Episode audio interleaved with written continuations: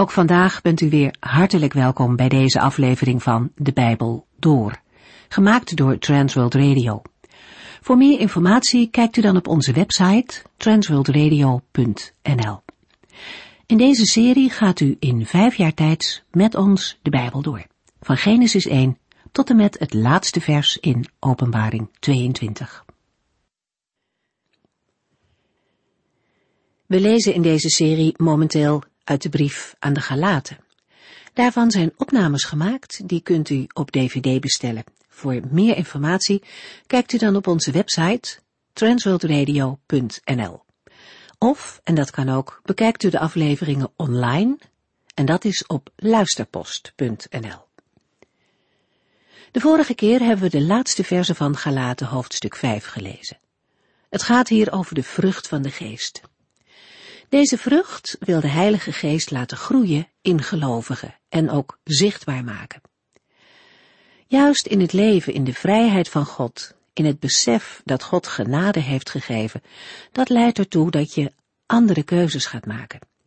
Niet het eigen belang staat voorop, maar het liefhebben van God en het liefhebben van andere mensen.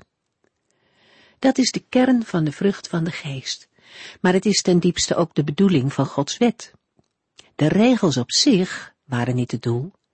In de kern gaat het erom God meer dan alle dingen lief te hebben en ook van de medemens te houden. Het verrassende is dat iemand die zo leeft ook zelf een gelukkig mens wordt, ook al is dat niet zijn eerste doel.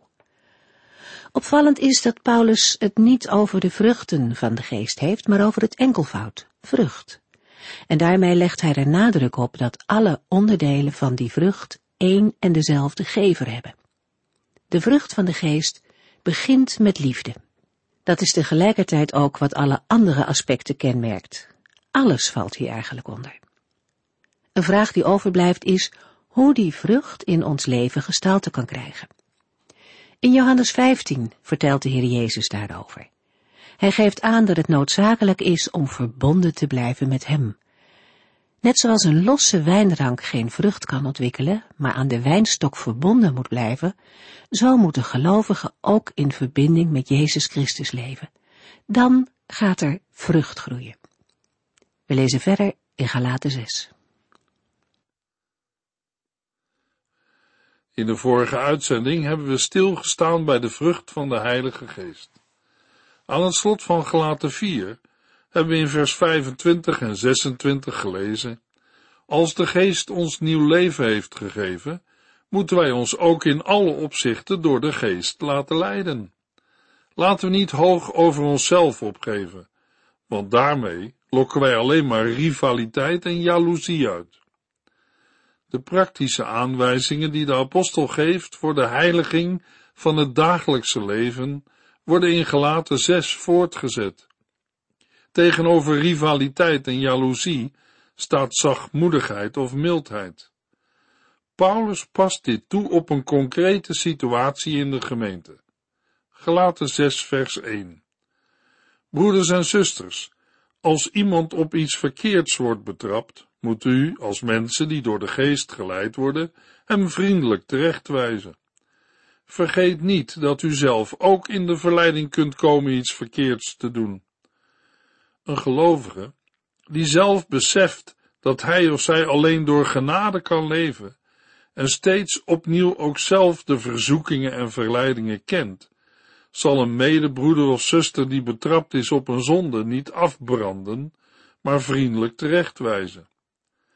De reden waarom dit de juiste houding is, geeft de apostel er gelijk bij. Vergeet niet dat u zelf ook in de verleiding kunt komen iets verkeerds te doen. Als een mens in zijn of haar leven een aantal dingen heeft moeten meemaken, kan dat mild en vriendelijk maken.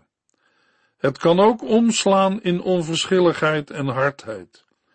Dat maakt de mens vaak onredelijk en liefdeloos. Vers 1 gaat over een gelovige die op een zonde betrapt wordt door een medebroeder of zuster. Maar er zijn ook zonden die zijn begaan waar niemand iets van af weet dan alleen de Heere. In het algemeen weten de meeste gelovigen wat ze in zo'n situatie moeten doen. Johannes schrijft in zijn eerste brief, maar als iemand zondigt, hebben wij een rechtvaardige advocaat die ons verdedigt bij de Vader, Jezus Christus. Hij nam de straf voor onze zonde op zich en verzoende ons zo met God. Hij is het offer voor onze zonde en niet alleen voor de onze, maar ook voor die van de hele wereld. Gelaten 6 vers 2 U moet elkaars moeilijkheden en problemen dragen, dan voldoet u aan de wet van Christus. Juist daar, waar de ander zwak is, juist in datgene wat voor hem of haar een last vormt, omdat er steeds de neiging is toe te geven aan de eigen begeerte, zullen we de ander niet moeten minachten. Integendeel, de moeilijkheden en problemen zullen we als gezamenlijke last hebben te dragen. In de kerk, de gemeente van Christus, zijn we voor elkaar verantwoordelijk. Dan voldoen wij aan de wet van Christus. Het leven door de geest staat niet in het teken van de wetteloosheid. De wet van Christus is dan ook niet een andere wet dan de wet die de Heere aan zijn volk heeft gegeven, en die is goed. Toch is er een groot verschil met het leven van vroeger, toen we nog onder de wet waren. Toen wees de wet ons op onze zonde en wierp ons in de zonde terug, omdat de wet wel aanwijst, maar de overtredingen niet kan vergeven. Na de komst van Christus heeft de wet een heel andere plaats.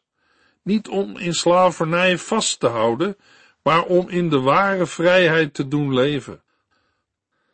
Dat kan omdat de geest van Christus zelf ons de kracht geeft om naar de bedoeling van de wet te leven. Ja, zelf die wet als vrucht in ons leven vervult. Dat maakt onze verantwoordelijkheid en inzet niet minder, maar houdt ons wel voor dat wat de Heere van ons vraagt, niet losstaat van zijn beloften. De Heere wil het op grond van het werk van Christus ook geven en schenken. Het Griekse woord voor moeilijkheden en problemen wordt in andere vertalingen weergegeven met lasten. In het Nieuwe Testament wordt het woord alleen overdrachtelijk gebruikt. Enerzijds in de zin van moeite en problemen, anderzijds in de zin van gewichtigheid, bijvoorbeeld iemand die op zijn rechten staat. Gelaten 6 vers 3 Wie zich te belangrijk vindt om dat te doen, misleidt zichzelf. De versen 3 tot en met 5 geven de fundamentele houding aan waarom het onmogelijk is voor een gelovige om zichzelf ergens op te beroemen of zich zo belangrijk te vinden dat hij of zij zich niet geroepen voelt om de lasten van een ander te dragen. In vers 3 wordt de grond verwoord van de vermaning in vers 2. Het gaat om dezelfde bescheidenheid als in vers 1. Iemand die een ander op een zonde betrapt, kan veroordelend en uit de hoogte zijn vinger opsteken. Maar Paulus moedigt aan om dat juist niet te doen. Wie zelf inziet dat hij zwak is, zal het ook beter de zwakte van een ander kunnen verdragen. Zijn of haar moeilijkheden zullen dan eerder gezien worden als een gezamenlijk te dragen last. Het mag duidelijk zijn dat wij mensen tegenover de Here alleen kunnen leven vanuit het besef dat de profeet Jezaja weergeeft met de woorden uit Jezaja 40 vers 15. Alle volken van de aarde zijn niets vergeleken bij hem. Ze zijn slechts een druppel in een emmer, een stofje op een weegschaal. De eilanden wegen niet meer dan een korreltje zand. Als we enig besef hebben van de grootheid, de heiligheid en de majesteit van de Heere, dan zullen we moeten toegeven dat wij niets zijn. Als we dit ontkennen, onderschatten we de genade van God en maken we dezelfde fundamentele vergissing als de Joodse dwaalleraren. Zij dachten het met God in orde te maken door de wet te houden. Gelaten 6 vers 4 Ieder moet zijn eigen werk nuchter beoordelen.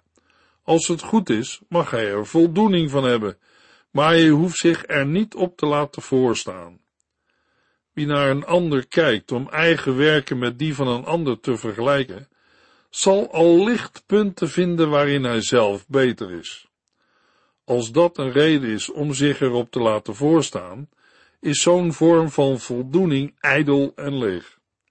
Het gaat er namelijk om hoe de Heer ons leven ziet. Daarom is het zaak in het licht van Gods criteria eerst de dingen van onszelf te toetsen. Dan zal een zelfbeoordeling een heel ander resultaat opleveren. Uiteindelijk is de enige waar we hoog over op kunnen geven, de Heer Jezus Christus zelf. Al in het Oude Testament horen we de Heere tegen het volk Israël zeggen in Jeremia 9 vers 24 Laten zij zich er alleen op beroemen dat zij mij werkelijk kennen. Dat zij weten dat ik de Heere ben, een God van liefde, die de aarde rechtvaardig regeert. Want in deze dingen heb ik genoegen.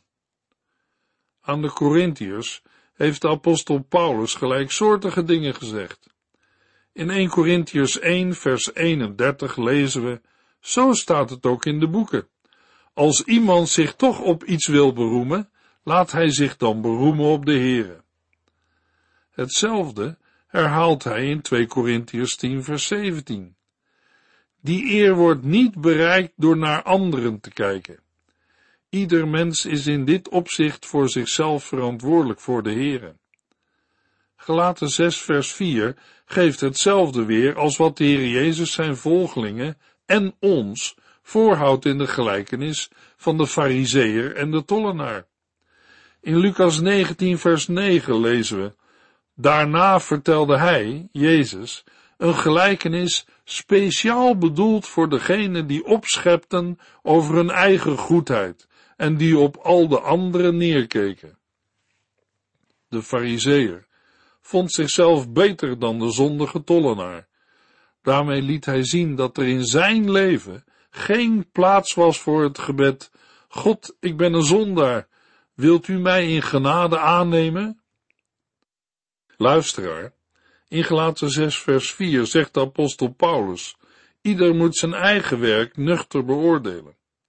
Als u naar uw leven kijkt, is er dan plaats voor het gebed van de tollenaar uit Lucas 18? In het volgende vers, Galaten 6 vers 5, schrijft Paulus, ieder is zelf verantwoordelijk voor wat hij doet. Zowel in het gewone menselijke leven, als ook in het geestelijk leven, wordt de persoonlijke verantwoordelijkheid onderstreept. In vers 4 wordt de mens opgeroepen zijn eigen werk nuchter te beoordelen. Dat lijkt me zeker een nuttig advies. Het is zaak om dat eerlijk te doen, om met de beide benen op de grond te blijven. Anders gaat de mens net als die fariseer in de gelijkenis van Jezus ten onder aan zijn eigen hoogmoed en trots. Gelaten 6 vers 5 laat zien dat de eigen verantwoordelijkheid van een mens verder gaat dan alleen een eerlijke beoordeling van zichzelf. Als een mens zelf verantwoordelijk is, is er ook iemand waaraan hij verantwoording moet afleggen. Iemand die rekenschap vraagt van wat u, jij en ik hebben gedaan. Wie is dat? Het woord van God, de Bijbel, is er duidelijk over, dat alle mensen rekenschap moeten afleggen van hun daden aan hun schepper, aan God. In Matthäus 12, vers 36 zegt de Heer Jezus tegen de Joodse leiders, onthoud dit, op de dag van het grote oordeel zult u zich moeten verantwoorden voor ieder nutteloos woord dat u hebt gezegd. Paulus benadrukt in Gelaten 6 dat ieder mens voor zichzelf door de Heere ter verantwoording zal worden geroepen. Ook in zijn brief aan de christenen in Rome bevestigt de apostel deze werkelijkheid. Romeinen 14 vers 12. Wij zullen ons persoonlijk voor God moeten verantwoorden. In Gelaten 6 vers 2 gaat het over de onderlinge verantwoordelijkheid voor elkaar. U moet elkaars moeilijkheden en problemen dragen. Maar dat maakt de eigen verantwoordelijkheid niet minder. Dat juist dit laatste hier aparte nadruk krijgt, is nodig om een hoogmoedige houding in het dragen van elkaars lasten te voorkomen. Ook de sterken in het geloof moeten blijven beseffen dat ze ook zelf een eigen last hebben te dragen. Ze zijn tegenover de Here niets meer waard dan een zwakkere broeder of zuster. De misschien grotere zonde in het leven van een zwakke broeder of zuster kan nooit een excuus zijn voor het eigen gedrag tegenover de Here. In wezen bidt een mens dan hetzelfde gebed als de fariseer in de tempel. Dank u God dat ik niet ben als alle zondaars. En zeker niet zoals die tolontvanger daar. Ik bedrieg niemand, ik pleeg geen overspel, ik vast tweemaal per week en ik geef u tien procent van alles wat ik verdien. Nee, zegt Paulus in Galaten 6 vers 5, zo liggen de zaken niet. Ieder is zelf verantwoordelijk voor wat hij doet. En dat is echt geen bedenksel of gedachte van Paulus. De schrijver van het Bijbelboek Hebreeën zegt in Hebreeën 4 vers 13, God weet alles over iedereen. Alles in en om ons ligt open en bloot voor zijn ogen. Niets kan verborgen blijven voor hem, aan wie wij verantwoording moeten afleggen voor alles wat wij hebben gedaan. In Hebreeën 13 vers 17 wordt zelfs aangegeven dat het een taak van de christelijke voorgangers is om in dit opzicht over hun gemeenteleden te waken. Immers zij zijn door de Here aangesteld als herder en leraar van de kudde, de gemeente van Christus. Ook zij moeten voor de Here verantwoording afleggen over wat ze hebben gedaan. Ook de apostel Petrus schrijft in zijn eerste brief over deze dingen. In 1 Petrus 4 vers 1 tot en met 5 Omdat Christus voor ons geleden heeft en gestorven is, moeten wij ons wapenen met dezelfde innerlijke overtuiging als Hij. Want wie in dit bestaan geleden heeft, houdt op met zondigen. Zo iemand laat zich gedurende de rest van zijn leven niet meer leiden door de slechte verlangens van de zonde, maar zal de wil van God doen. Er is genoeg tijd verknoeid met wat de ongelovigen fijn vinden, losbandigheid en verkeerde begeerten, drinkfestijnen, eetgelagen en onzedelijke feesten voor afgoden. Uw vroegere vrienden zullen het natuurlijk raar vinden als u niet meer meedoet met hun uitspattingen. Zij zullen u uitmaken voor alles wat lelijk is.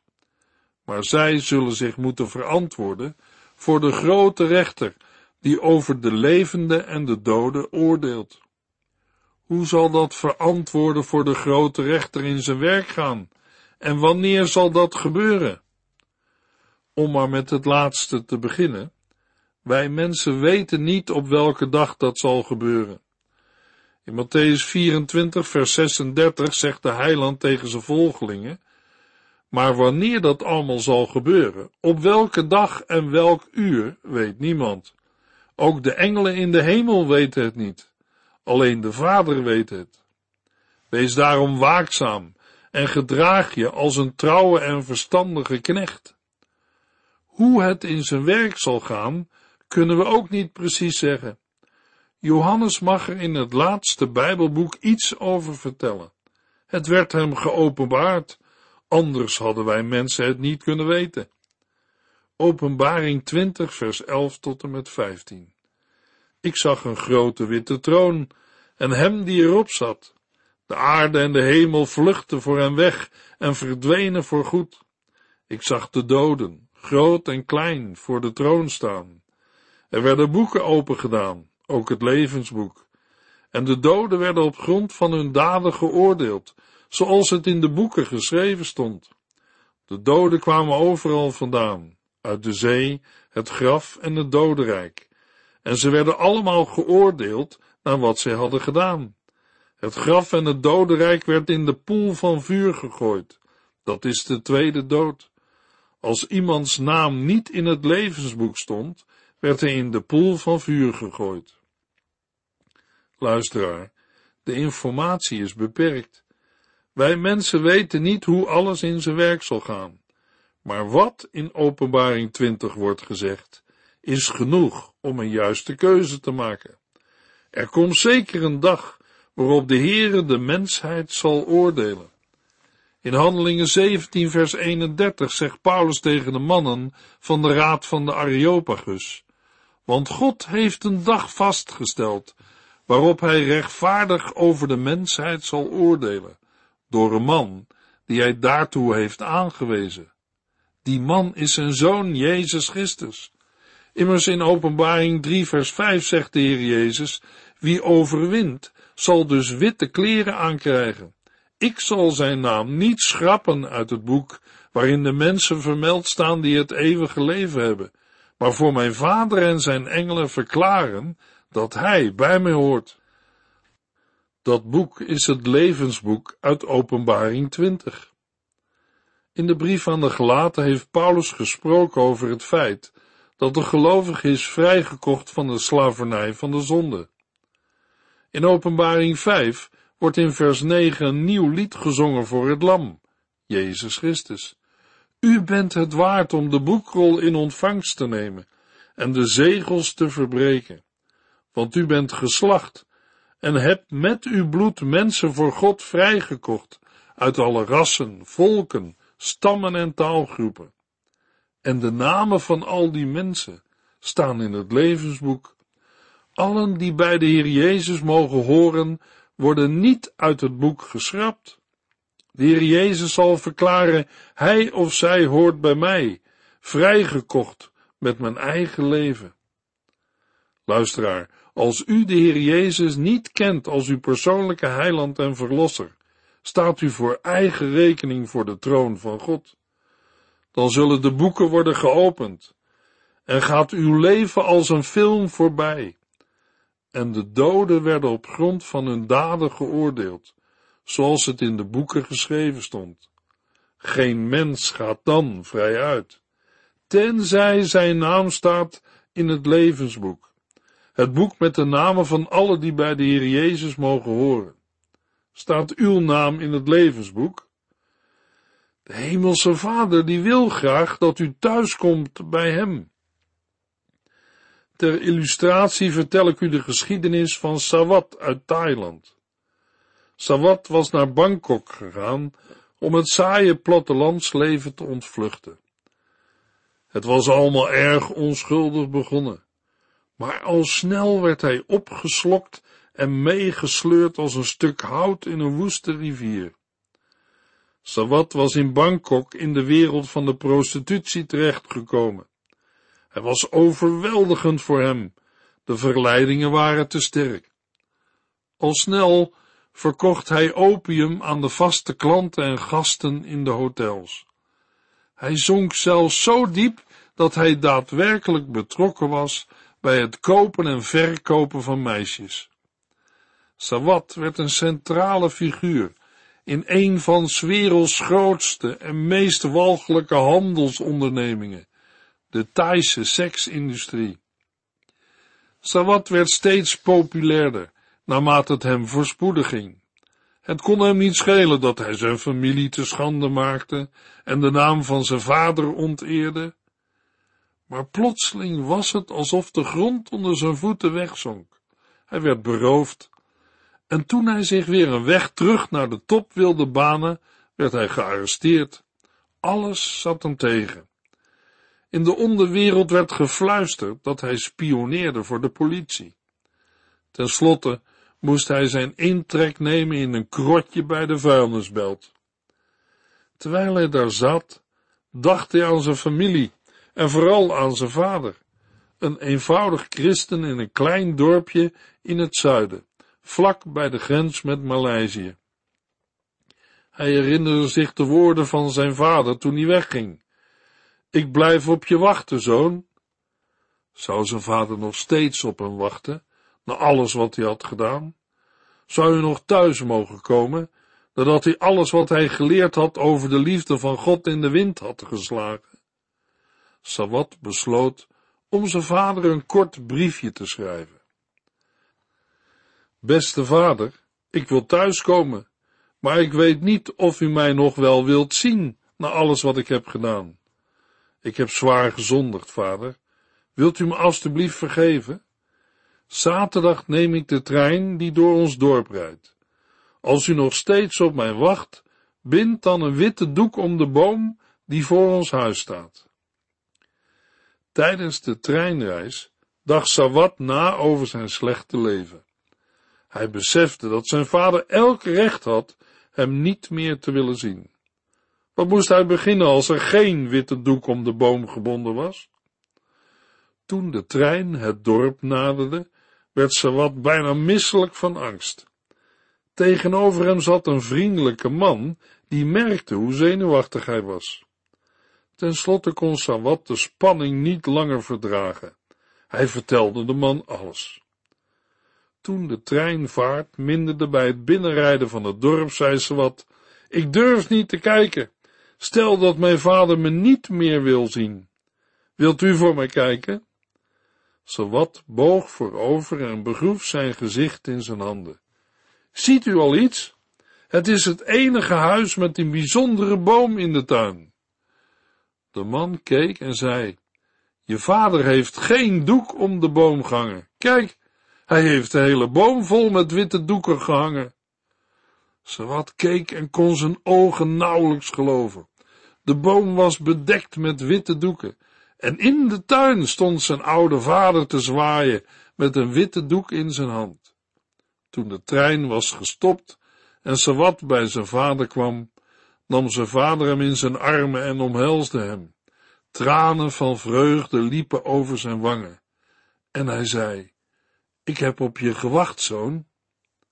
Luisteraar, zo wacht de Heere op u. In de volgende uitzending lezen we Gelaten 6, vers 6 tot en met 11. U heeft geluisterd naar De Bijbel Door, in het Nederlands vertaald en bewerkt door Transworld Radio. Een programma waarin we in vijf jaar tijd de hele Bijbel doorgaan. Als u wilt reageren op deze uitzending of u heeft vragen, dan kunt u contact met ons opnemen. Tijdens kantooruren kunt u bellen op 0342 478432. 0342 478432. Ook kunt u een e-mail sturen naar de Bijbel door at transworldradio.nl en natuurlijk kunt u ook via de post ons bereiken. TWR, postbus 371, postcode 3770, AJ in Barneveld. Dit programma werd gepresenteerd door Cor Weda en Ike André. Techniek was in handen van Odin van Voorkom. En wij allemaal bedanken u voor het luisteren. Graag tot de volgende keer.